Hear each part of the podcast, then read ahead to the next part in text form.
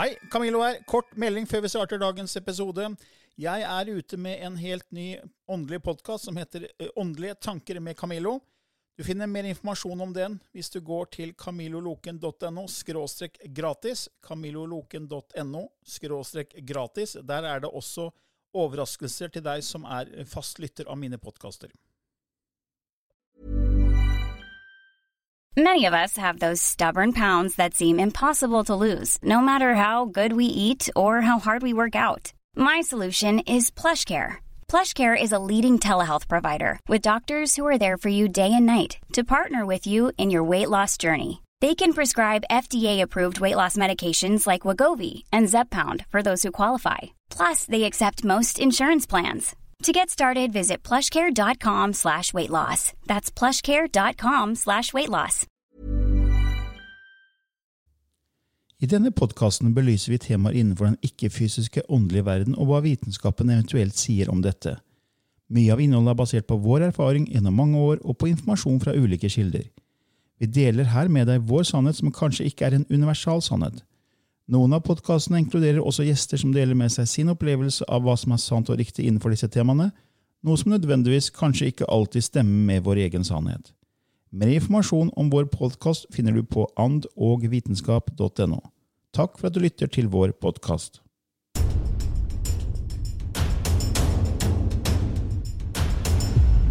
Hei og velkommen til en ny episode i Ånd og vitenskap, og i dag er det med undertegnede Camilla Løken og gjest i studio Jannike Øynes. Velkommen, velkommen.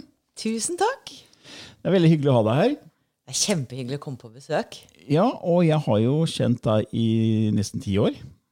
Og fulgt din spirituelle reise, og veldig imponert over alt du har fått til. For du hjelper jo veldig mange mennesker egentlig til å få en større forståelse av Kall det den ikke-fysiske spirituelle verden. da.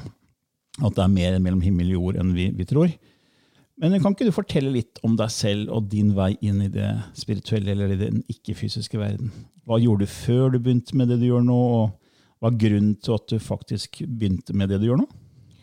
Ja, du får bare stoppe meg hvis det blir for langt, fordi det er klart det er en reise bak der. Jeg begynner ikke bare med å intervjue folk om de store spørsmålene uten grunn, da. Fordi det startet egentlig med at jeg har vært eh, musikalbarnestjerne da, fra jeg var eh, syv år. Ok. Jeg var med i eh, Le Miserable. Det startet med Le Miserable.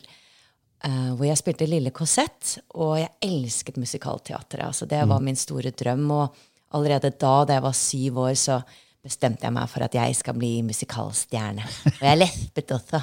Oh, ja. Jeg skal bli musikalstjerne på, på West End oh, ja. i London. Det, det var drømmen, og det var som livet mitt var staket ut for det. da. Og så gikk det bare slag i slag etter det, med roller og TV-opptredener. Jeg eh, landet rollen som Annie Annie sammen med Maria Haukås Storeng Midtet og to andre Annier, og fikk veldig mye oppmerksomhet. Jeg ga ut barneplate som het Grivel sulke letta mandolint da jeg var ni år.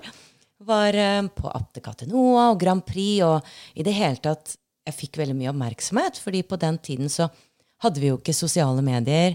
Det var kun én TV-kanal.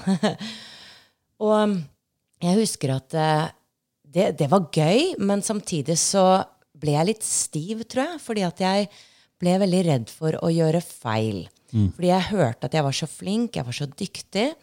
Og så ble jeg alltid valgt til premieren også, oh, ja. foran de andre jentene.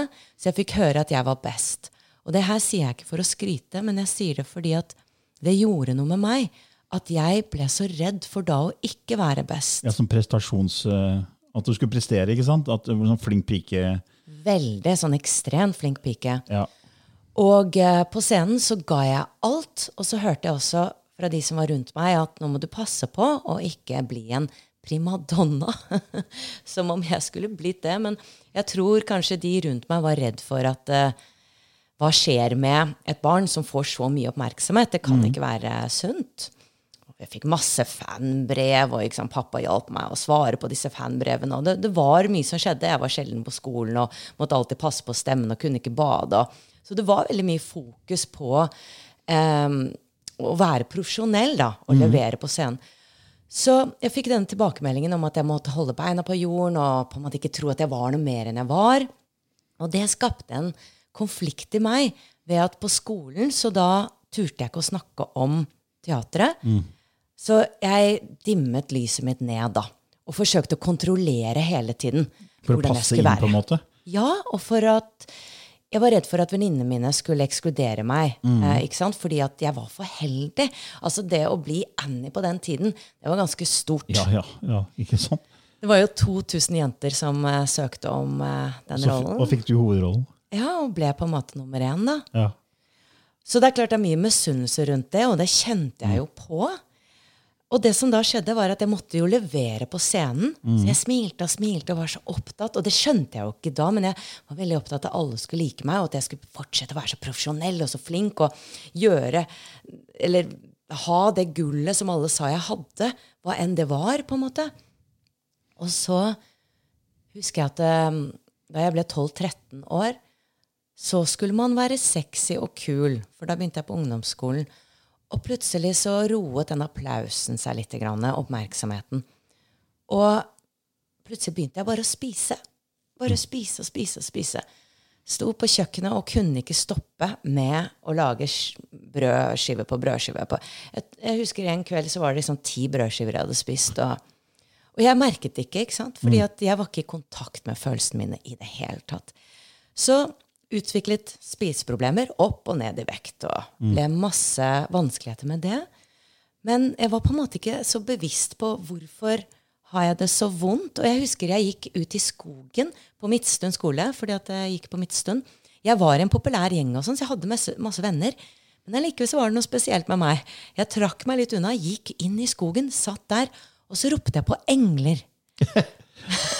Hvor kom det fra? Jeg følte meg så alene.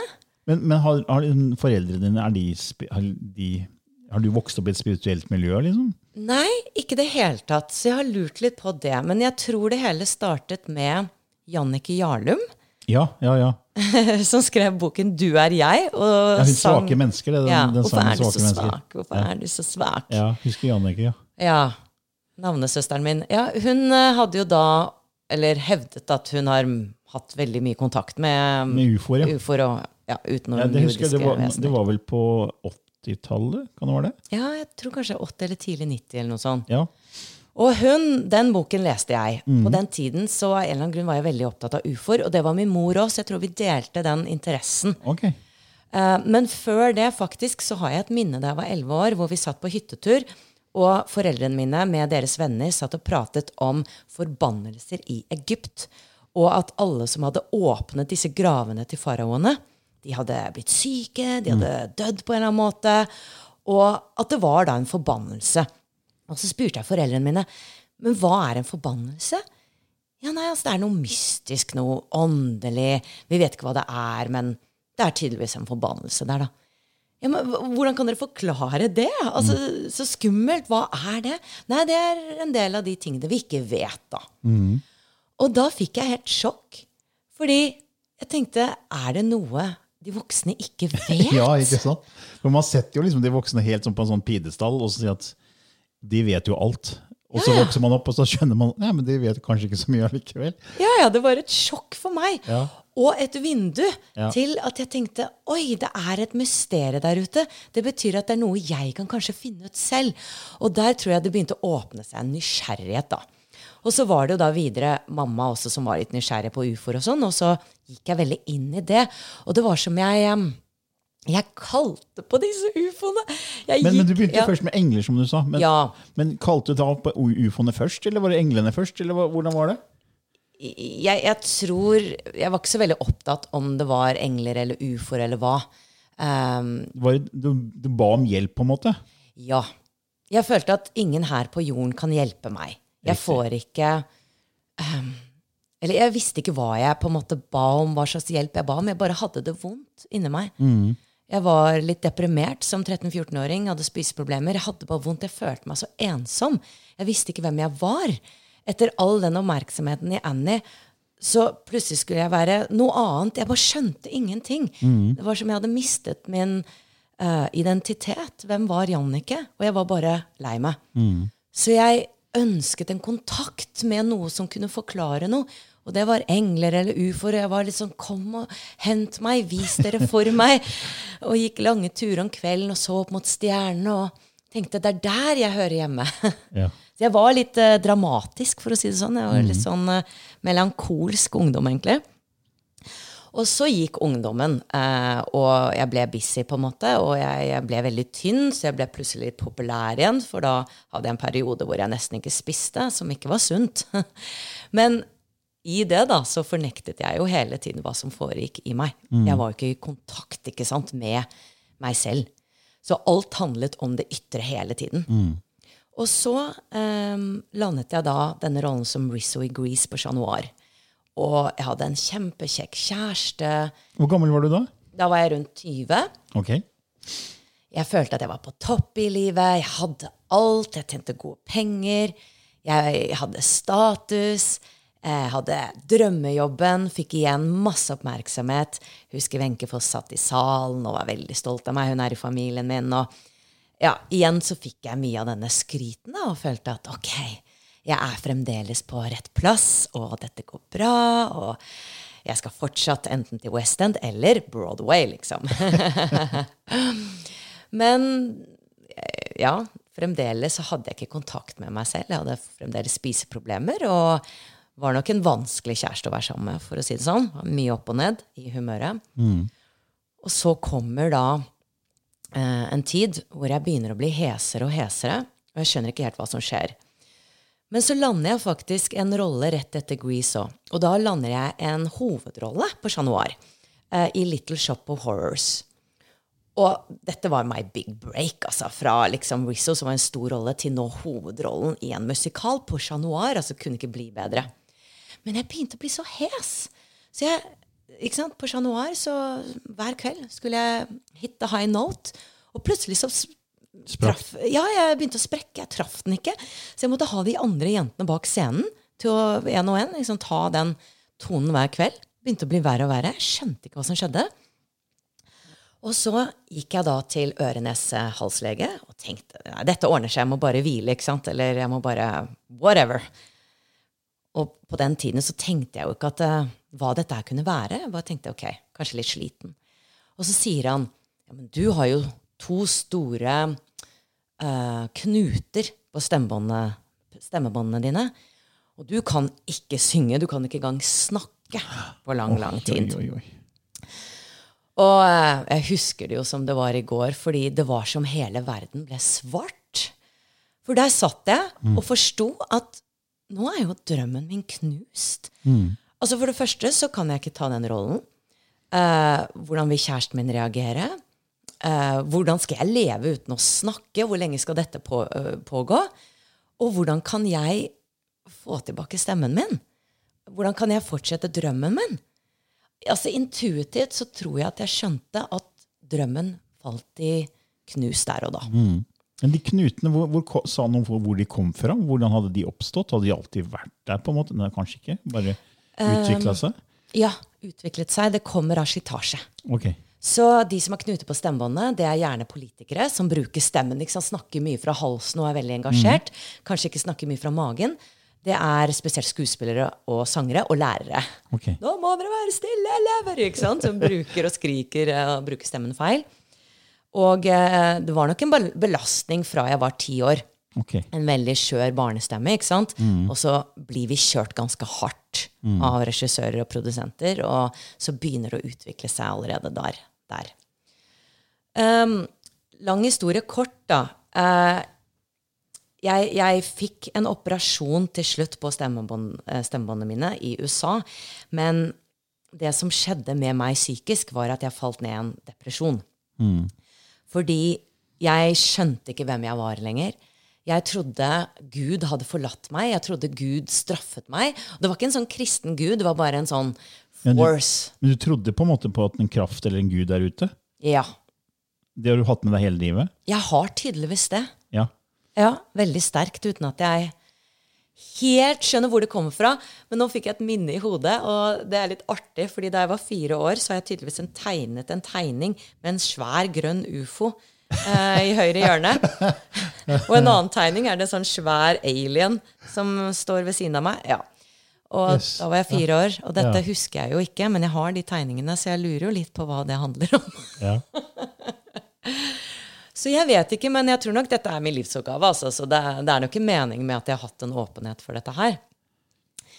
Men denne depresjonen handlet jo om at jeg trodde at min verdi handlet om det jeg presterte på scenen.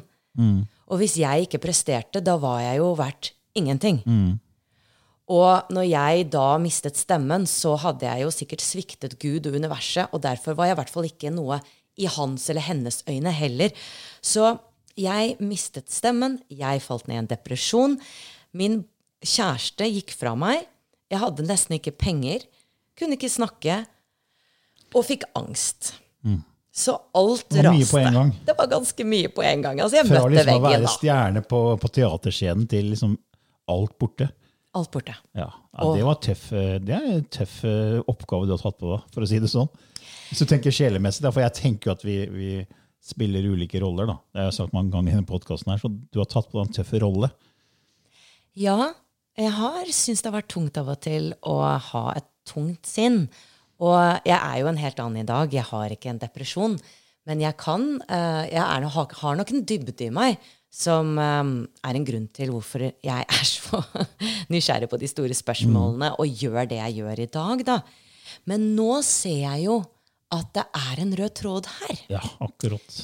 Fordi jeg ble jo veldig opptatt av metafysikk og spiritualitet, fordi jeg begynte å se på Oprah Winfrey og høre på spirituelle lærere på YouTube. Og, og tok faktisk en uh, utdannelse innenfor metafysikk, for jeg bare syntes dette var så spennende på nettet. Og det ga meg livsgnist. ikke sant? Fra å være ganske død, hvor alt var grått inni meg, hvor jeg nesten tenkte at jeg ønsker å gjøre det slutt på alt. Men så Men hva var, jeg- hva var triggeren da? Så, hva gjorde at du liksom fra å være i det mørket, og så plutselig begynner å se på Opera eller Mm. søke opp spirituelle? Var det noe som trigga deg? For det som jeg har fortalt før, da, det som trigga meg, var at jeg var i en begravelse til en kollega som døde i en bisarr ulykke. Og det trigga noe i meg, som starta en min reise. da. Hadde du en sånn trigger? Nei, ikke så definert som deg. Det var heller en eh, glidende overgang fra å erkjenne at eh, ok, jeg har lyst til å gjøre det slutt på alt. Fordi jeg er jo, jeg er jo ikke noe verdt. Så du vurderte selvmord? Ja, men ikke hvordan. Men jeg hadde bare lyst til å dø. Eh, men så visste jeg innerst inne at det kommer jeg aldri til å gjøre. Så jeg ble på en måte enig med meg selv at ok, eh, jeg skal overleve, men jeg kommer, kommer aldri til å bli lykkelig. Okay. Aldri. Men jeg skal overleve. Og jeg hadde jo en familie, har jo en familie som er forferdelig glad i meg, så det var nok det som gjorde at ok, jeg kan jo aldri gjøre noe dumt, men jeg kan overleve. Så hvordan skal jeg overleve, da? Og så begynte jeg å gå ut i skogen, og så kjente jeg at solen skinte på kinnet mitt. Og jeg husker det var en sånn opplevelse av at ja, men det føles jo godt at solen skinner på kinnet mitt. Og det betyr jo at det er en liten del av meg som må bry seg om meg. Jeg må vel bry meg litt om meg selv, da, siden jeg kjenner at det er godt. Det var som jeg startet på det mikronivået der, og begynte å forstå at kanskje jeg skal begynne å bli glad i meg selv, selv om jeg ikke presterer. Kanskje det er noe å være glad i. Så jeg begynte litt der. Gikk ut i skogen hver dag. Så begynte jeg også å jogge. Og det gjorde jo noe med kjemikalene. ikke sant? For når du trener, så Endorfiner og ja. endorfiner, ja, så blir du bedre humør. Du blir sterkere. For jeg var jo alltid opptatt av å holde meg tynn, ikke sant? så det var jo en motivasjon. Men det ble en sånn redning for meg. At jeg jogget ut i naturen, og så satte jeg meg foran vannet, og så bare så jeg ut på vannet. Og naturen har også en høy frekvens, så jeg tror alt dette hjalp meg med å komme til et visst nivå. At det begynte å bli litt lettere. Og det tror jeg trakk meg da til å, Oprah Winfrey. Det var litt spennende å se på. Og så sitter da Oprah og sier You got the power inside of you! Og så husker jeg tenkte sånn Me? Altså Snakker hun også om meg, liksom? At jeg har en kraft inni meg? Og så begynte jeg å tenke ja, hun må jo snakke om meg også, Jannicke. Og hva er denne kraften? Så jeg begynte å bli nysgjerrig, og allerede der så har jeg jo da hevet frekvensen min. ikke sant? Og Ja, absolutt. Du åpner opp sinnet ditt, ikke sant? Ja. For at det er mer. Det er mer, ja. Og så begynte jeg å gå inn i metafysikken, begynte å se masse på YouTube, begynte å lese masse selvhjelpsbøker. Og da begynte hjulene å rulle. Og jeg dro til utlandet plutselig og tok en gnostisk uh, utdannelse her og det kurset der. Og, og, lærte hvordan å gå ut av kroppen. Og nå går jeg litt fort fremover, men jeg lærte ulike teknikker på hvordan jeg kunne få bevis på at jeg eksisterte utenfor kroppen. Fordi det ble nesten en besettelse ja, ja, for meg. Jeg skjønner meg, ja. ja. At jeg måtte få bevis på at dette var sant. Yes. Fordi hvis dette var sant, så var det jo ikke forgjeves. Mm. Da var det jo noe mer. Da var det jo en grunn til at jeg hadde hatt lidelse. Da var det kanskje en grunn til at jeg mistet stemmen. Og jeg måtte finne denne grunnen. Så jeg tok kurs på kurs, og gjorde disse teknikkene som gjorde at jeg plutselig en dag klarte å vibrere meg ut av kroppen. Det høres helt vilt ut, men jeg er sikker på at mye annet vilt har foregått på denne podkasten her. ja da, ja da. Så jeg lærte meg astralprosjessering og lucid dreaming, og der fikk jeg de eh, bevisene som jeg trodde. Da visste jeg at ok, nå vet jeg som Jannicke Øynes at jeg har vært utenfor min kropp. Det betyr at vi er mer enn denne kroppen. Så spennende.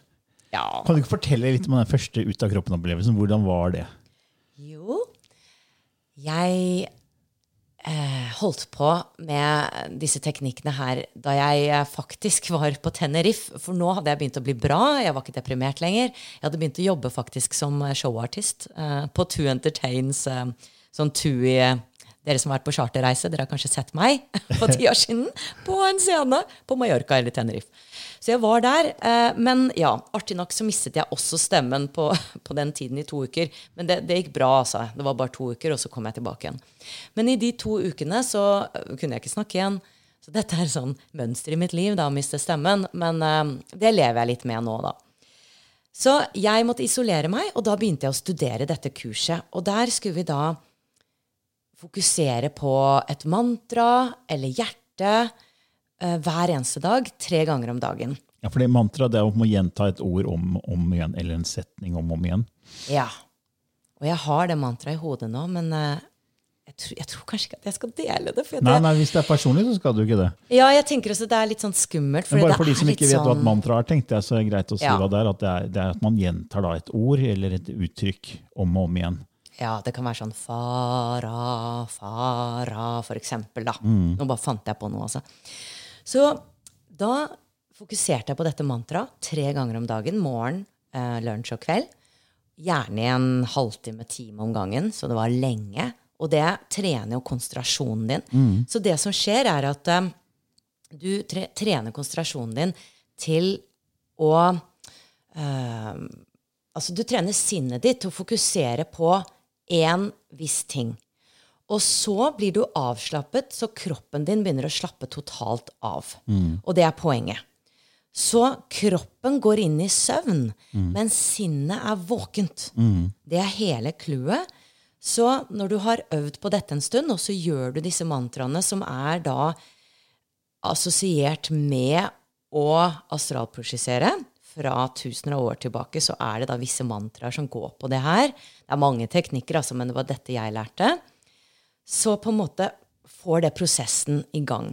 Så plutselig så lå jeg der i sengen min, og jeg kjente at jeg var Det var nesten som jeg ikke visste helt hvor jeg var, altså hvilken verden jeg var i. Men jeg merket at jeg begynte å vibrere, og jeg fortsatte bare med mantra i hodet om og om igjen. Så jeg var klar i sinnet, mens kroppen begynte å bli tyngre og lettere på samme tid. Veldig rar fornemmelse. Mm. Og plutselig så begynner hele meg å vibrere. Og ikke sånn vibrasjon som jeg har følt fysisk. Det var en vibrasjon som, som var spirituell, åndelig, noe jeg aldri har følt før. Mm. Det var som hele universet mitt, på en måte. Hele meg vibrerte. Og det hadde jeg lært om. Så da visste jeg at nå, er, nå foregår en separasjon mellom sinnet mitt og kroppen min. Så nå kan jeg gjøre neste steg, som er å komme meg ut av kroppen. Og da hadde jeg lært at jeg kunne gå bakover, jeg kunne rulle meg forover, eller jeg kunne rulle meg rundt. Og det jeg gjorde da, var å rulle meg rundt, og så satte en intensjon. Ok, nå ruller jeg meg rundt. Og da rullet jeg faktisk ut av kroppen min. Så kult. Det er jo helt vilt. Jeg vet det er helt vilt. Og det som ofte skjer, er at man blir så redd eller excited Ja. at man snapper tilbake kroppen. Ja. Ja. Så det vanskeligste er faktisk å bli ute av kroppen, fordi at det er en sånn unormal opplevelse. Man må liksom godta at det skjer. Og Ja. hvis du ikke godtar det, så du begynner å bli redd, så kommer jo frykten, og frykten stopper jo frekvensøkningen. Og da er du tilbake her på jorda med en gang. Ja, det var jo en god forklaring. Ja. Jeg har ikke tenkt på det sånn. Så jeg hadde lært meg da at nå må du være rolig, Annike, hvis du klarer å komme ut av kroppen. Så jeg pustet, og jeg var litt sånn Jeg snakket til meg selv, husker jeg. Ok, her står du ved siden av sengen din. I sengen din ligger kroppen din. Skal vi kikke bort? Nei, jeg tror ikke det. Det tør jeg ikke. Ok, hva skal vi gjøre nå? Nei, jeg tror jeg flyr ut av stuen eller gjennom eh, veggen. Så bare gikk jeg gjennom veggen. For dette visste jeg at jeg kunne, fordi da hadde jeg hatt såpass mange lucid dreams, som det heter. Og det er et litt annet fenomen, men det er ganske likt. Det er det å være våken i drømmen sin. Ja. Du styrer drømmen din, ikke sant? ja. Og da kan du også gå gjennom vegger og Altså, du kan gjøre alt. Du kan egentlig gjøre alt. Ja. Fly og ja. ja. Besøke pyramider og Ja. tidlig liv Jeg har hatt noen sånne lucid dreamings, jeg, og det er helt fantastisk. Ah, så kult! Ja, du vet at du drømmer, og du styrer drømmen din. Ja. Ja, helt Nettopp. fantastisk. Og det som er forskjellen på astralprosjisering og lucid dreaming, da, det er at eh, vi kommer til samme sted, på en måte. Eh, men i lucid dream så er du ute av kroppen gjennom Eller dette kan debatteres, altså, det må jeg si. Men jeg tror at når vi drømmer, så går as- astrallegemet vårt ut av kroppen. Altså en annen del går ut av oss. Og hva den delen er, det vet jeg ikke. Det er en slags spirit body. Spirit-kropp. Men vi har jo så mange spirit-kropper. Så dette her Da må vi nesten inn i filosofien. Eh, fordi vi vet jo virkelig ikke hva og hvor vi er. Men jeg tror i hvert fall da at enten om jeg går bevisst ut av kroppen eller våkner i en drøm, så er det på en måte litt samme fenomen. da. Det er bare veien dit, på en måte. Så jeg fløy gjennom eh, Gjennom veggen. gjennom veggen. Og jeg tror jeg bare fløy opp i været jeg, og bare ble kjempeglad. Og gjorde ikke noe mer fornuftig enn det akkurat den gangen. Fordi målet bare var å være ute av kroppen. da. Eh, så det var egentlig det. Men Men hvor lenge var du ute? da? Så vi hadde noen fornemmelse av tid? Fordi det er jo sånn Når man da kommer i andre kall det frekvensvirkeligheter, så har jo det en annen oppfattelse av tid. ja, det er sant. Jeg tror det bare var en fem minutter eller noe sånt. Um, og jeg, jeg hadde ikke noe fantastisk opplevelse den gangen. Det var den opplevelsen av at oi, jeg kan separere meg selv ut av kroppen. Men i Lucid Dream så har jeg hatt mye fantastiske opplevelser. Blant annet at jeg har husket at jeg har sett noen blomster som er svære som trær, som er de vakreste blomstene jeg noen gang har sett. Og at jeg har luktet på dem og tatt på dem og tenkt at men herlighet, det her er jo mye mer virkelig enn det Ja. er i min I- i den fysiske såkalte verden. fysiske verden. Det er det som er så utrolig. Du, du, når du våkner fra en sånn drøm, så tenker du at den var jo mer ekte enn det her. Ja. Så det, jeg tenker at, ja, hvis, For vi har jo sagt mange ganger i denne podkasten at alt er et kosmisk sinn. Så det her er bare en del av dette sinnet, så da er det andre kall det frekvensvirkeligheter som er like reelle og kan føles mer ekte, egentlig. For det er lettere energi. Ja. Så, så, alt, så jeg tror det er, når vi har disse drømmene, så er, kobler vi oss inn i andre deler av dette kosmiske sinnet. Og det er så enormt, og vi kan ikke fatte hvor enormt det er. Altså, jeg har jo nå gjort 400 intervjuer eh, på YouTube, og vi kommer sikkert inn på det, med spirituelle lærere. Og jeg er bare blown away hele tiden. Særlig når jeg får tak i intervjuobjekter. og objekter høres jo fælt ut. Altså, eh, folk å intervjue. Personer, ja. Personer som eh, virkelig har hva skal vi si, en utvidet bevissthet, som kanskje har noen spesielle evner. Intervjuet bl.a. en som het Mathias de De Stefano Stefano. fra Brasil. Ja. Ja. Oh, wow. Det ble ja. veldig populært. Han har jo nevnt flere ganger i den podkasten her, fordi vi hadde en episode, flere episoder om The Cash Records, Det kosmiske bibliotek. Og han sier jo han husker helt alt fra starten. liksom. Ja, Og forteller om alle, altså de forskjellige sivilisasjonene, Lemuria, Atlantis og eh, Og han har jo, har jo et program på Gaia som han kan undersøke, som er veldig fint. Ja. Ja. Så han intervjua du. Han har jeg intervjuet. Jeg anbefaler å se det intervjuet, eh, fordi det er så mye informasjon han kommer med. Men hvor skal man gå da, hvis man skal se det på YouTube? Da er det Wisdom from North, er det ikke det kanalen din heter?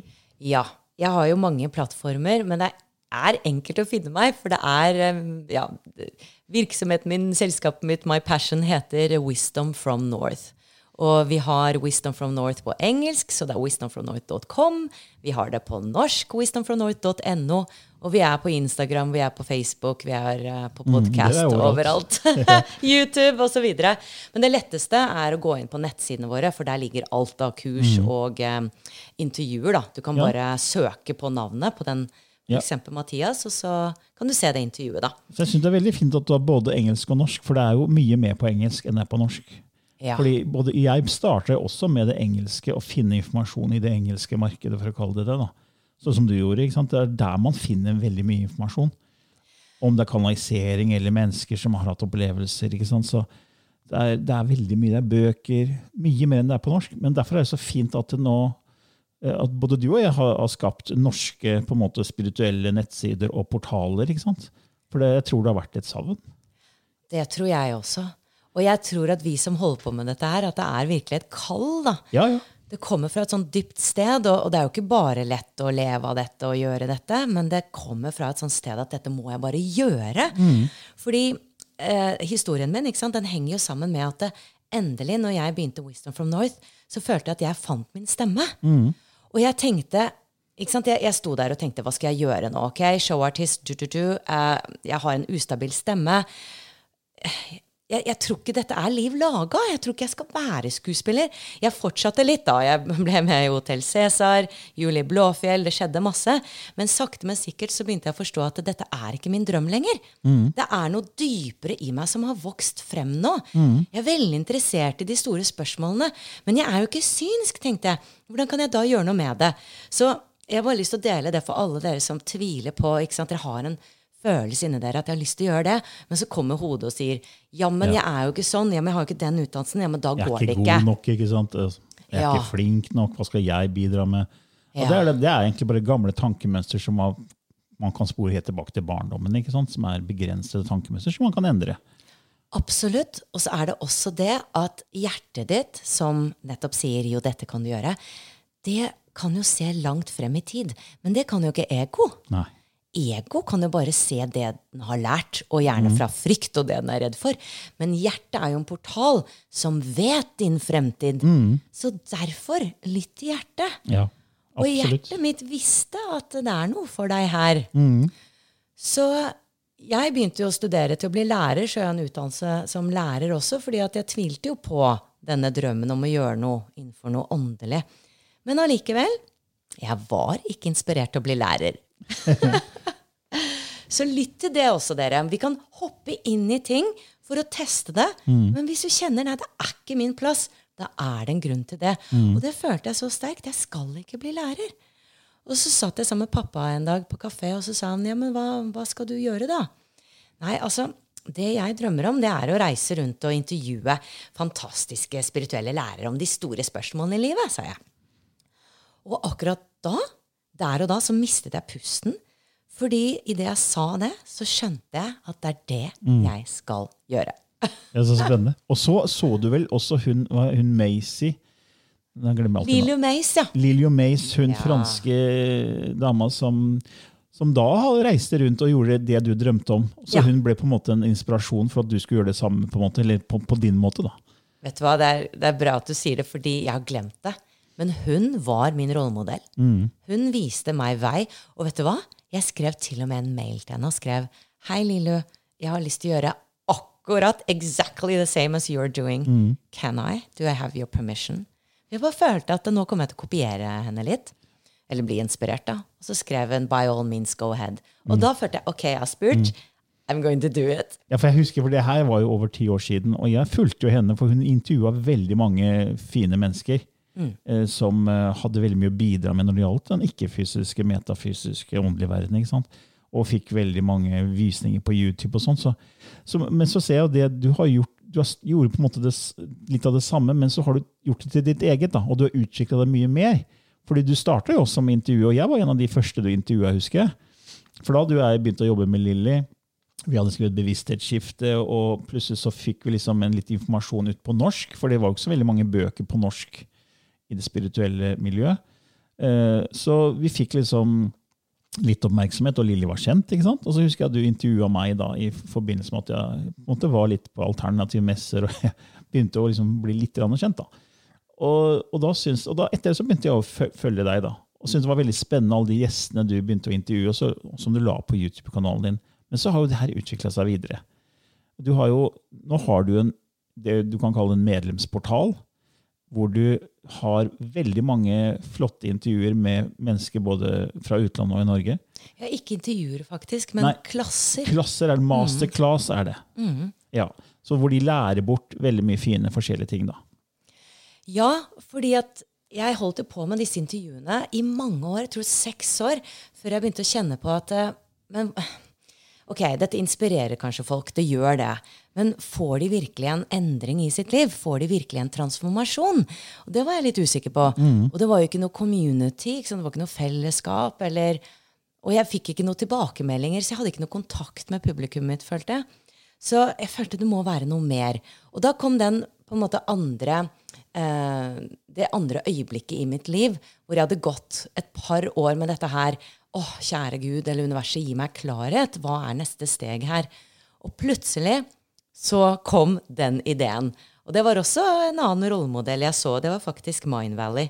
Ja, Mine Valley ja, med han uh, Vishen uh, Lakiani. Lakiani ja. Han kjenner jeg godt, for jeg var jo i kontakt med han flere ganger før han tok helt av, da, for han ble jo veldig stor. Ja, de har blitt enorme. Men ja. Mine Valley har blitt veldig store, for, for, de gjør jo det på en måte Lager masterclass da, med kjente mennesker. Ja. Med datteren til HC Silva, han som først begynte å studere hjernebølger. Datteren hans tok jo over hele HC Silva, hjernebølgebusinessen, Silva-metoden. Hun har jo vært der, gjest der. og Mange som var med i The Secret, husker jeg. Eh, disse folka, Bob Proctor og mange andre som var med i The Secret, det har også blitt en del av Mind Valley Masterclass. Ja.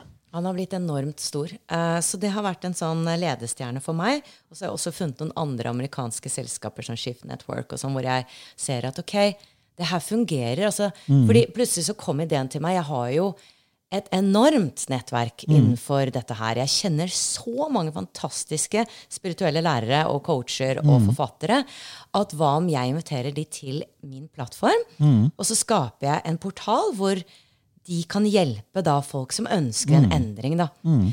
Så det gjorde jeg, og jeg fikk en kollega, og vi startet dette her. Vi startet et selskap. Det er Ragnhild, ja. Ragnhild. Hun er fantastisk. Hun gjør jo alt det tekniske. Jeg hadde jo aldri klart det uten henne. Jeg sier ofte at jeg har ikke møtt mannen i mitt liv, men jeg har, har møtt liksom my soulmate-kollega uh, i mitt liv, da.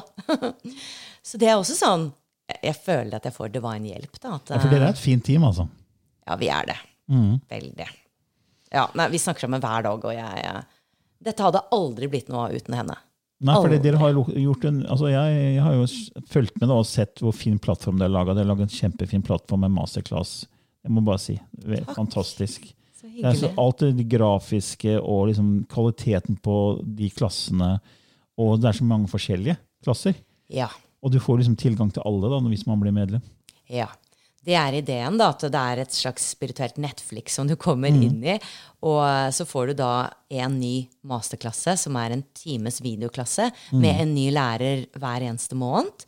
Og så får du være med på sånn spørsmål og svar-sesjon med den mm. læreren og kan få svar på dine spørsmål og sånn. Samtidig som jeg har mine livesendinger, og vi har meditasjoner og kanskje 60 meditasjoner som ligger der nå. For, for å hjelpe folk til å kunne praktisere selv. Også, eh, selv på um, litt regelmessig. Og så har vi Facebook-gruppe og hele pakka. Og jeg har lyst til å nevne at Du er jo en av våre masterklasslærere. da. Ja, ja du, du, inviterte meg inn for, uh, tilbake. og så Jeg har jo holdt på en stund. Nå er jeg vel 17 år jeg holdt på. Så da, da, da, akkumulerer man jo en viss form for innsikt. Så, så det har blitt, uh, blitt en masterclass hos deg, ja. Ja, og den er så fin. Og den heter jo Nei, jeg husker Finding ikke Finding your life purpose. Ja, noe med life purpose. Det å finne livsoppgaven sin. Men den gjorde vi på engelsk. Ja. ja. ja. De fleste klassene er på engelsk, men vi har fem på norsk. Men mm. uh, alle er oversatt til norsk, da. Mm. Med sånn subtitles, da. Ja. Med, med undertekst, ja. ja. Så, ja, og da har jo du, Når du har holdt på så lenge, så må du ha fått en veldig altså, Kall det en rød Du ser en rød tråd. ikke sant? Du ser at når folk forteller deg om f.eks om, om liv etter døden. Da. Eller noen snakker om reinkarnasjon, noen andre snakker om tankens kraft. Du får vel en sånn slags, nesten en slags oversikt eh, I hvert fall føler jeg at jeg har gjort det når jeg har holdt på så lenge, at jo flere kilder jeg har funnet, så får jeg bare en enda større bekreftelse på at ting henger sammen. Er det sånn du opplever det? Ja, absolutt. Og det er det Wisdom from North handler om. Det handler faktisk om ulike perspektiver på det samme. Eh, fordi jeg er ikke bare interessert i meditasjon eller mindfulness eller ufor. Jeg er interessert i alt, jeg. Mm. Og jeg, jeg, føler at det er bare én vinkel på Eller ett perspektiv på det hele.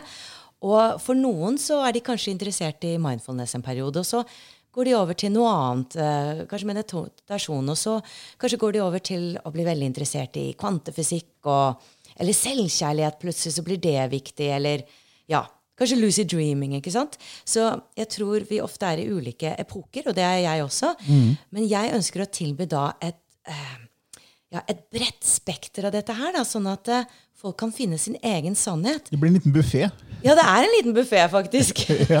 så kan du finne din sannhet. ikke sant? Og jeg snakker jo masse om life purpose, men du i din klasse, Camillo, i medlemskapet, du har jo din vinkling, mm. som hjelper mange med din metode på hvordan å finne din mm. livsoppgave.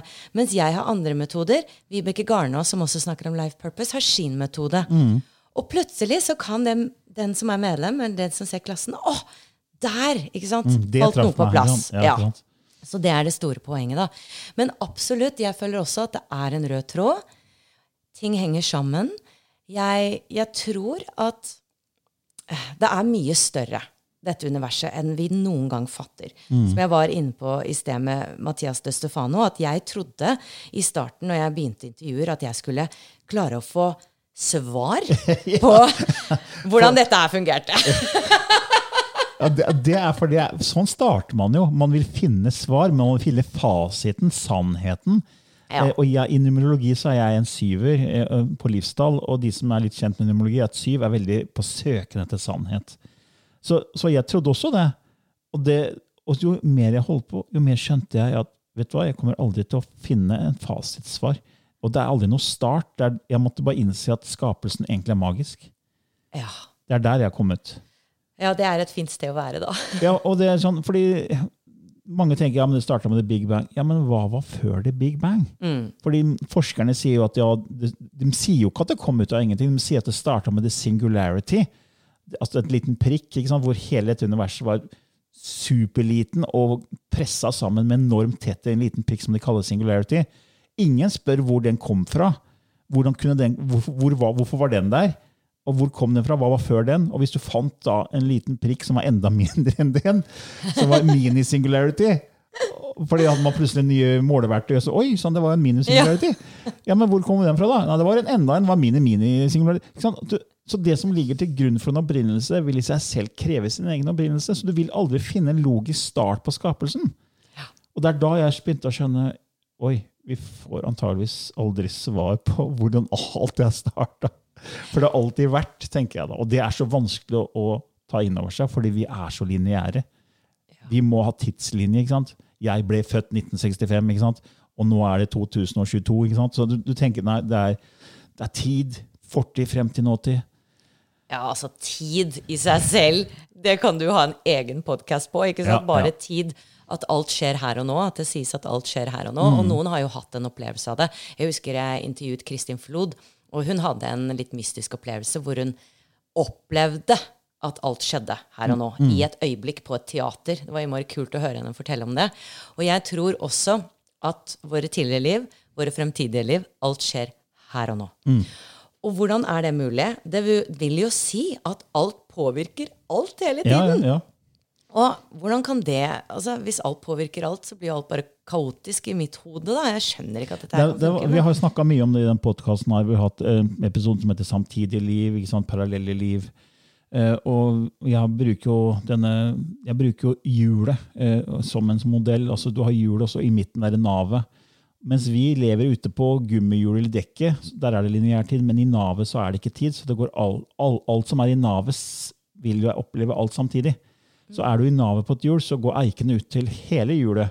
Så tid er mer sirkulær enn er lineær. Og du kan også tenke blekksprut. En blekksprut har mange armer. Ja. Og alle armene er ute og føler, så det er på en måte akkurat som det er en tidsepoke i hver eh, arm. Men alle armene sender signaler inn til Ja. sentralen, på en måte. Mens så den en arm kan fortelle det, og så går det videre til en annen arm. Det er utveksling hele tiden. For det er bare én til syvende og sist. Blekkspruten er bare én, men disse armene er oppløst at det er mange forskjellige tidsepoker. Da. Det er en annen måte å se det på. Veldig spennende. Jeg har også tenkt på at eh, på en CD-plate alle sangene er der samtidig, men du Ja. spiller av én Ja, av gangen. fint. Det er også en veldig fin analogi det, å bruke den. Så det er veldig spennende. Og så en annen ting som jeg trodde jeg skjønte før, eh, eller som jeg hadde lyst på svar på, da. Det var hva var himmelen? Ja? Jeg trodde det var en fysisk verden, og så var det den andre siden. Ja. Og så begynte jeg å tenke på disse ufo, ufoene og ekstra eh, extra, Terrestrial, ja. extraterrestrials, eh, utenomjordiske vesener. Og de som gjerne er litt mer avanserte, da. Som eh, ja, har fantastisk eh, teknologi og kan være shapeshifters og har kommet mye lenger enn oss. Um, kan nesten være som spirits, da, på en måte. Og det, det nevnte vel Mathias om, at det var sånn, noen sånne lysvesener. At egentlig aliens kan være engler òg. Altså, det, det var noe nytt for meg. At vi tror de er engler, men de er egentlig utenomjordiske vesener. Men så tenkte jeg, ja, men hva skjer når disse vesenene dør? Altså, Går de da over til den andre siden? Hva er den andre siden?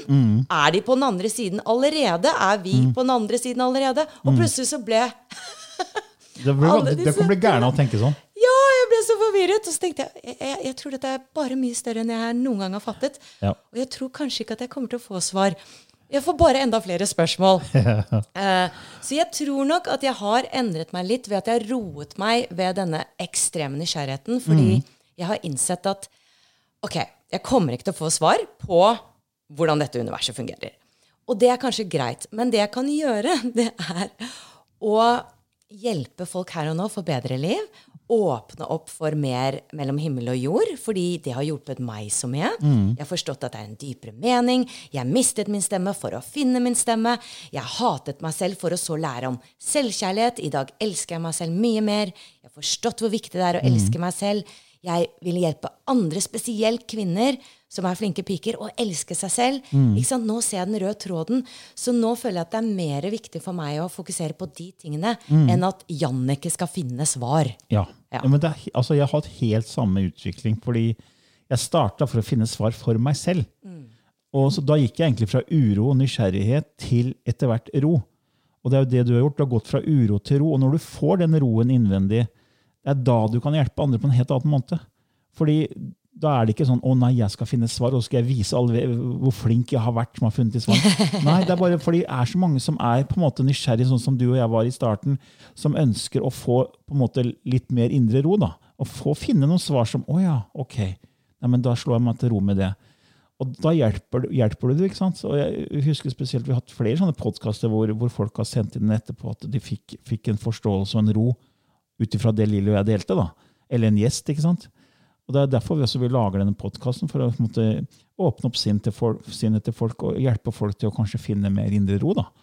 Ja, altså, det er alfa og omega for meg. Ja, Altså Hvis jeg ikke hadde visst at det finnes en annen side, eller kanskje det ikke gjør det nå, noe som jeg jeg forklart i sted, men altså at det finnes noe mer, da. Ja. At vi er spirits, det er jeg 100% sikker på. Jeg kan ikke bevise det, men jeg tror det. Så hadde ikke jeg skjønt hvorfor jeg skulle leve. Altså Jeg hadde ikke skjønt meningen med livet hvis ikke det var noe mer. Så for meg var det alfa og omega, og det tror jeg for mange andre, som kanskje har mistet andre. ikke sant? Kanskje mistet en datter, en sønn, eh, en kjæreste, en mann, en kone, far, mor, som virkelig har en enorm stor sorg. Og når de da hører intervjuer, f.eks. Mm. med Anita Moriani, som jeg har hatt, eller Eben Alexander, eller Jeg har hatt rundt ti sånne intervjuer om nær opplevelser Mm. Noen skau. Så plutselig så får de håp, og det roer seg i kroppen, og de kjenner en Mm. kjærlighet. De forstår at ok, men denne personen har det bra på den andre siden. Mm. Det er noe mer å få sett igjen. Ikke sant? Det er, det er så mye håp. Vi, vi har bare masse å glede oss til. Ja, det, for det, det syns jeg er fint å, å tenke at det fortsetter. fordi du har jo egentlig ingenting å tape på å tenke at det fortsetter. For jeg, som, som jeg har sagt mange ganger i denne podkasten, så var jeg jo ateist i 40 år. Og da tenkte jo jeg at det er slutt når vi dør. Vi har bare ett liv, og alt er tilfeldig. Det er bare flaks at det er liv på denne planeten. Det er null mål og mening med noen ting. Det er bare evolusjon. Uff, det høres så vondt Ja, og det vokste jeg opp med, fordi jeg vokste opp i en ateistisk eh, familie. ikke sant? Og det er jo bare jeg og en, en av mine søstre som har liksom brutt ut av den troen. da. Alle er fortsatt veldig, veldig ateister og tror at vi bare blir stjernestøv når vi dør. på en måte.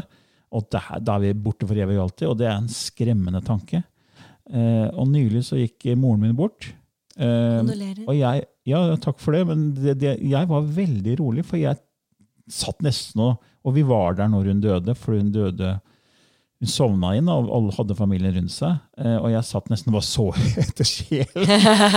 jeg vet. Så jeg liksom tenkte kanskje jeg ser noe nå, liksom. Og jeg tenkte, og så liksom snakka liksom Faren min døde for fire og et halvt år siden, så jeg ja, far, nå håper jeg du kommer og henter mor, liksom. og Sånn satt jeg og tenkte, da. Mens de andre gråt jo, og spesielt noen av dem holdt på å gråte seg i hjel. Liksom.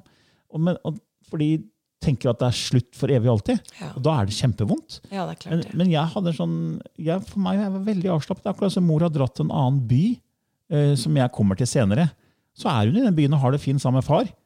Det er sånn jeg velger å tenke. Altså, ja, men Da er du naiv. Kanskje noen sier ja, det er jo slutt. Ja, Men jeg vet jo ikke. Det vet ingen. Ingen kan verken bevise at det er slutt, eller motbevise det. Så hvorfor har du ikke da Hvorfor åpner man ikke muligheten til å si at ja, men det kan være noe mer? For da har du ingenting å tape.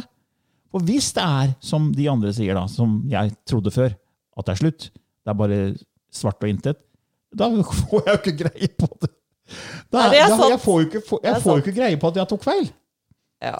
Det er jo, det er, da er jo så da, du har, men, men hvis det da Som faren min jeg sa til faren min før han skulle dø, altså lenge før han døde da, altså, Du kommer til å få sjokk, sa jeg, du dør. For det er ikke slutt. Så lo han da. Men eh, så har jeg fått kontakt med han eh, gjennom medium etterpå. Og, og han sa ja, beklager at ikke jeg trodde på det, har han sagt.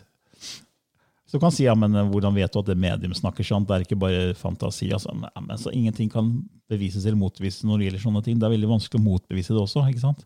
At det er sant. Og det er her jeg føler at det er viktig med erfaring. Og det er vel derfor du gjør det du gjør også, og jeg gjør det jeg gjør. Altså jeg, vi har medlemskapet, men vi har også online-kurs. Og det er jo for at folk skal begynne å få en erfaring av dette. At det ikke bare er en tro. For ja, tro kan flytte fjell, men vi kan også bare tro og tro og tro, og så faktisk så, så Jeg vet ikke, jeg. Eh, kanskje er det ikke sant, på en måte. Men hvis du har opplevd noe og erfart noe, så kan ikke noen ta den sannheten vekk fra deg. Og det tenker jeg ofte at eh, ateister, da, hvis de er nysgjerrige da, Jeg tror ofte ateister ikke er nysgjerrige, men hvis, de, hvis du er en vitenskapsmann og har lyst til å finne ut av dette her, og eh, er ateist, kan du ikke da undersøke litt selv og utforske på deg selv, sånn som jeg gjorde? Begynn å meditere. Begynn å gjøre mantraer. Kanskje whoops, så er du ute av kroppen, og da kan jeg love deg at du ikke er så bestemt på at det ikke er noe mer. Fordi når du har opplevd at det er noe mer, så kan du ikke benekte din egen opplevelse. Det er akkurat det, og det er det som skjedde med Eben Alexander, som du nevnte i stad. Nær døden-opplevelse. Denne nevrokirurgen. Som kom fra tre generasjoner med nevrokirurger og har gått på Harvard University og hele pakka. ikke sant? Og som da mente han kunne forklare nær døden-opplevelse med at det var hjernen som spilte, spilte også et pust. da. Og så får han oppleve det samme selv. ikke sant? Og så kan han også vise til blodprøver og, og, og, som viser at han umulig kunne være bevisst. Han har jo dokumentasjon, vitenskapelig dokumentasjon på at han kunne ikke være bevisst. Allikevel så tror ikke folk på det. Og hans kollegaer gjør narr av han etterpå. ikke sant? Så er han en outsider, og nå klikka for han. Men han snudde jo helt, på grunn av egen erfaring. Ja. Ja. Det er veldig trist, eh, denne, og det har du snakket mye Ja, om, sånn ridicule og latterliggjøring og sånn. Men det, man blir så låst i sin egen sannhetsramme, sin egen virkelighet. Og jeg ser jo hvor låst jeg selv var. Og mitt første og beste argument for at det ikke var noen kilde, kraft, intelligens bak skapelsen, var jo at det er for mye lidelse på jord. Ja. Ingen, ingen intelligent vesen som har skapt det, kan godta overgrep mot barn, tortur, lemlester i krig, altså all den driten man ser. Hvordan kan noen med en høy intelligens som har skapt det avanserte universet, gjøre det? Det var liksom mitt argument. Og det er et, det argumentet du møter hos ateister veldig mange. da. Men så har man ikke undersøkt noen ting selv. Og jeg hadde jo ikke brukt ett minutt av livet mitt på å sette meg inn i den ikke-fysiske, metafysiske, åndelige, spirituelle verden. Og nå har jeg holdt på i 17 år, og nå er jeg jo helt, annen, jeg er helt andre enden av skalaen. jeg, jeg vet at det her, det her, er ikke tilfeldig. Det er for avansert til å kunne være tilfeldig. Kroppen vår er så komplisert satt sammen at ja.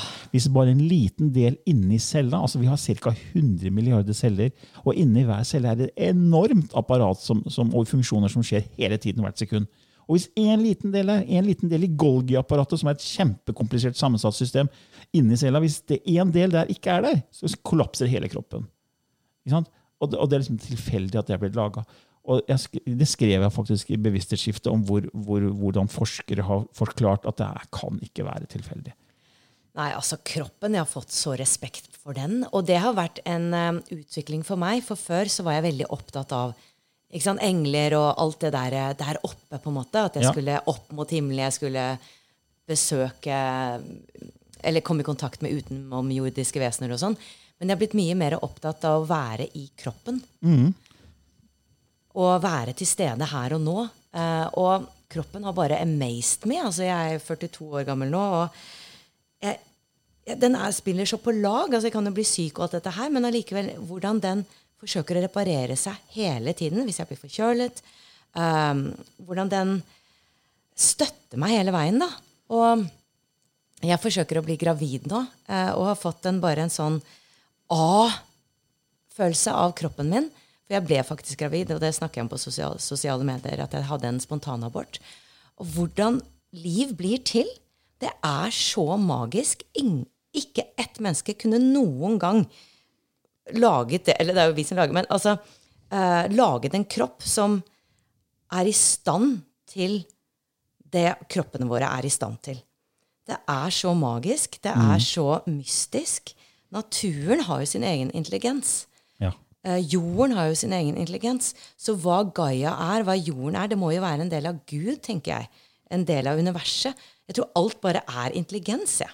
ingenting er utenfor den intelligensen. Ja, og det er det som flere forskere altså, jo, forsk, jo mer du forsker på det her, jo mer ydmyk blir man. og det er Max Planck, Einstein, Robert Lanza, Ahmed Goswami Veldig mange forskere, både de, de som er døde og de som er, holder på å fortsatt forske, de, er, de sier at er, universet er en mental konstruksjon. Det er bevissthet som ligger til grunn. Det er det bevissthet var her først. Og det gir mye mer mening. da, fordi hvis, hvis det bare var materie som bare oppsto, så er det materie som er noe dødt, og skapt noe levende som er, og som også har abstrakte kvaliteter. Vi, vi, har bevissthet, vi har tanker som er abstrakt. Du kan ikke ta på det. Så det betyr at noe dødt har skapt noe levende og abstrakt. Noe dødt og konkret har skapt noe levende og abstrakt. For meg så henger det ikke på greip. Fordi hvis du snur det, da, hva, hva, hva skal til for at vi skal skape noe? Vi må først tenke det. Vi må først være bevisst på det. All, all skapelse er tanke, ord, handling.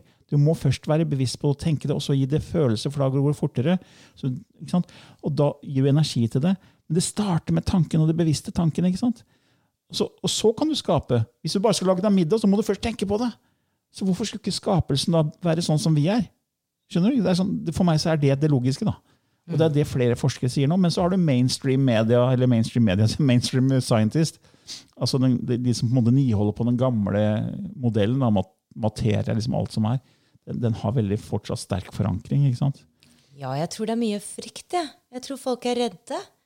Fordi jeg må jo innrømme, når du begynner å åpne opp for denne verden her, hvor egentlig alt er mulig um, Du må være litt klar for det også. Ja.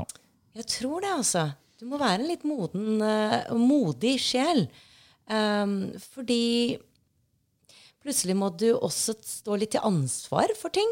Um, ja man må jo begynne, altså fordi Da må man begynne å ta ansvar for egne tanker og følelser hvis det er det som da ja. ligger grunnlag for det som kommer inn i livet ditt. Som vi har sagt mange ganger i podkasten her, at det vi sender ut, kommer tilbake.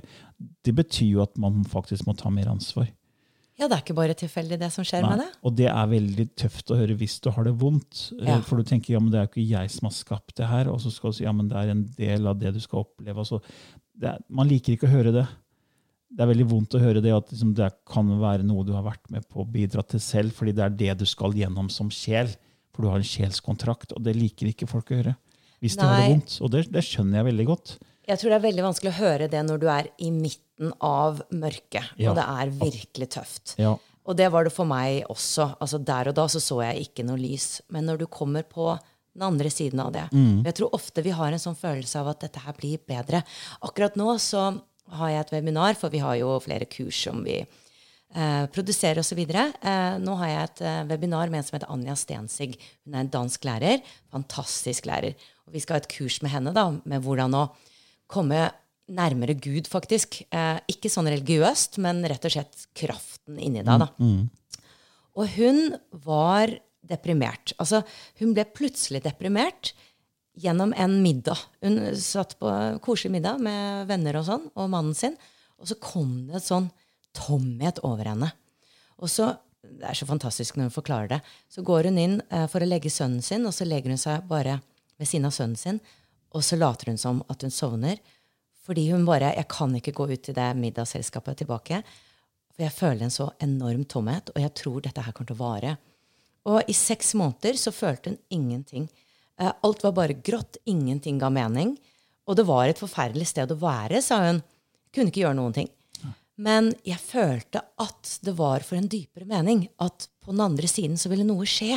Mm. På den andre siden av denne depresjonen. Og det gjorde det jo. Plutselig, etter seks måneder, så gikk hun nedover gaten, og så så hun rundt på mennesker rundt seg. Og hun følte det var som at hun var moder jord, eller eh, en engel, eller Gud, eller hva enn, da. En kraft som følte så enormt mye kjærlighet for alle.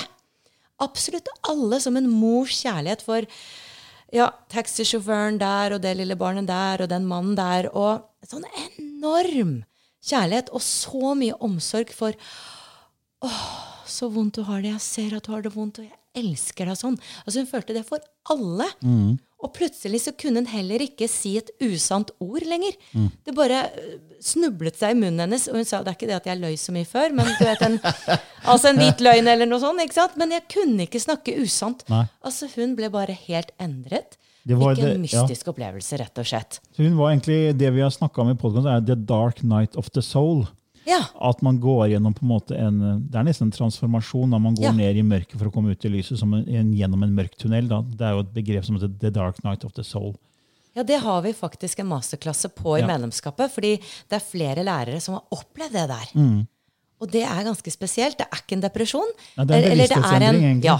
Det er en sånn Altså, Jeg tror at uh, Anja hadde en annen type depresjon enn meg. Mm. For jeg var bare Jeg ville bare dø. Det var der. Mm. Men, mens hun hadde mer en sånn ja, Det er flatt, ikke noe mening. Men jeg tror det er en grunn til dette her. på en måte. Altså, det var en annen frekvens på det. Det, det er fint å høre sånne mennesker, for det, kan hjelpe folk som er i mørket. da, eh, Hvis de åpner opp for å kunne ta inn informasjon. fordi ofte så er man veldig låst, og er man veldig langt nede, så er det veldig vanskelig å ta inn noe som helst. Jeg husker vi hadde en venn for mange år, en venninne for mange år siden, eh, kona mi og jeg. og Hun var på et veldig mørkt sted, og vi prøvde å hjelpe henne. Og så bare hun sa Nei, jeg orker ikke høre på det spirituelle pisspreiket deres! og det, var- og, det, og det, det forstår jeg, da, for det, det, ble for tungt å høre. Ja, fordi da, da må det gå sin gang. Ja. Og så Ja. Det tenker jeg er viktig, for vi skal ikke prakke på noen, noen sannhet. Og du må også være klar for den. Og det er, tror jeg, det er ofte en grunn til dette her, at man har motstand i begynnelsen. Men det er prosessen til den sjelen, til den personen. Og jeg har intervjuet mange som har hatt ME, fatigue osv., som sier at det tok tid, men jeg fikk ME pga. at jeg lyttet ikke til meg selv. Nå skjønner jeg at det var en dypere mening med dette her. Så jeg tror at alt vi går gjennom, og dette snakker jeg om i webinarene mine, alt vi går gjennom, det har en gave i seg. Det er noe gull der, og du vil se når du kommer på den andre siden, hvorfor dette skjedde gjerne. Hvis du er litt bevisst da, og begynner å på en måte kikke litt på det, så ser du oi, her er det en rød tråd. Så som Ja. jeg sa, jeg mister stemmen for å finne den. Og dette er også i tråd med din livsoppgave. Fordi det du har kjempet med, det er det du kan hjelpe andre med. Akkurat, akkurat det Steve Jobs sa. det er only when you look back at your life you can connect the dots. Ja. Når du ser tilbake på det du har vært igjennom, så ser du at det var en mening. Du kan finne en rød tråd. Og det ser jeg på meg selv òg. Jeg kunne jo ikke vært den formidleren jeg er i dag hvis ikke jeg hadde vært gjennom det jeg var før jeg starta. Jeg måtte gjennom det ateistiske. Jeg var i legemiddelbransjen for å se hvordan den bransjen var. Hvor det var bare fokus på profitt. og- ikke Så jeg, jeg måtte gjennom det. Og det, altså, motstand gir fremdrift. Og et bilde som jeg har brukt mye i kursene mine, er jo det her med sykkelen. Hvis ikke du har motstand på en sykkel, så begynner jo ikke sykkelen å, å trille. Du, hvis kjedet hopper av, så får du ikke noe motstand. Da står du stille. Så du må ha viss motstand. Og når du har vært gjennom litt motstand, hvis du tråkker litt på sykkelen, da, så får du en fart. Og så trenger du ikke ha motstand lenger. Da bare går sykkelen av seg selv. Og da overgir du deg. Da gir du slipp, og da, da er det da endringen skjer. ikke sant? Ja. Så den, den motstanden kan jo vare lenge eller ikke så lenge, litt avhengig av hvordan du takler den. Og jeg tenker at vi alltid er på det stedet i livet hvor vi skal være. Den lander jeg litt i. At vi gjør så godt vi kan, alle sammen, i det øyeblikket, i den livsfasen vi er i. Og at vi er der vi er ment for å være. Sånn at vi ikke tror at jeg skulle egentlig vært et annet sted. Det er ego. Du er der hvor du skal være for en grunn. Og det er en så mye dypere mening med våre liv at vi bare aner ikke engang. Det er en dyp, dyp mening med våre liv. Og hver eneste følelse vi har, er viktig. Du er viktig. Jeg har alltid, eh, eller i ungdomsårene, så syns jeg at følelsene mine var ikke viktige. Det var alltid han jeg var forelsket i, som var viktigere enn meg. ikke sant? Hva han følte om meg. Det er den derre ytrestyrte måten å leve på. Hvis du begynner å leve mer innenfra og ut og kjenne på at alt som foregår i meg, er spennende, la meg utforske det istedenfor å dømme det. Mm, er mer i nå-øyeblikket, egentlig.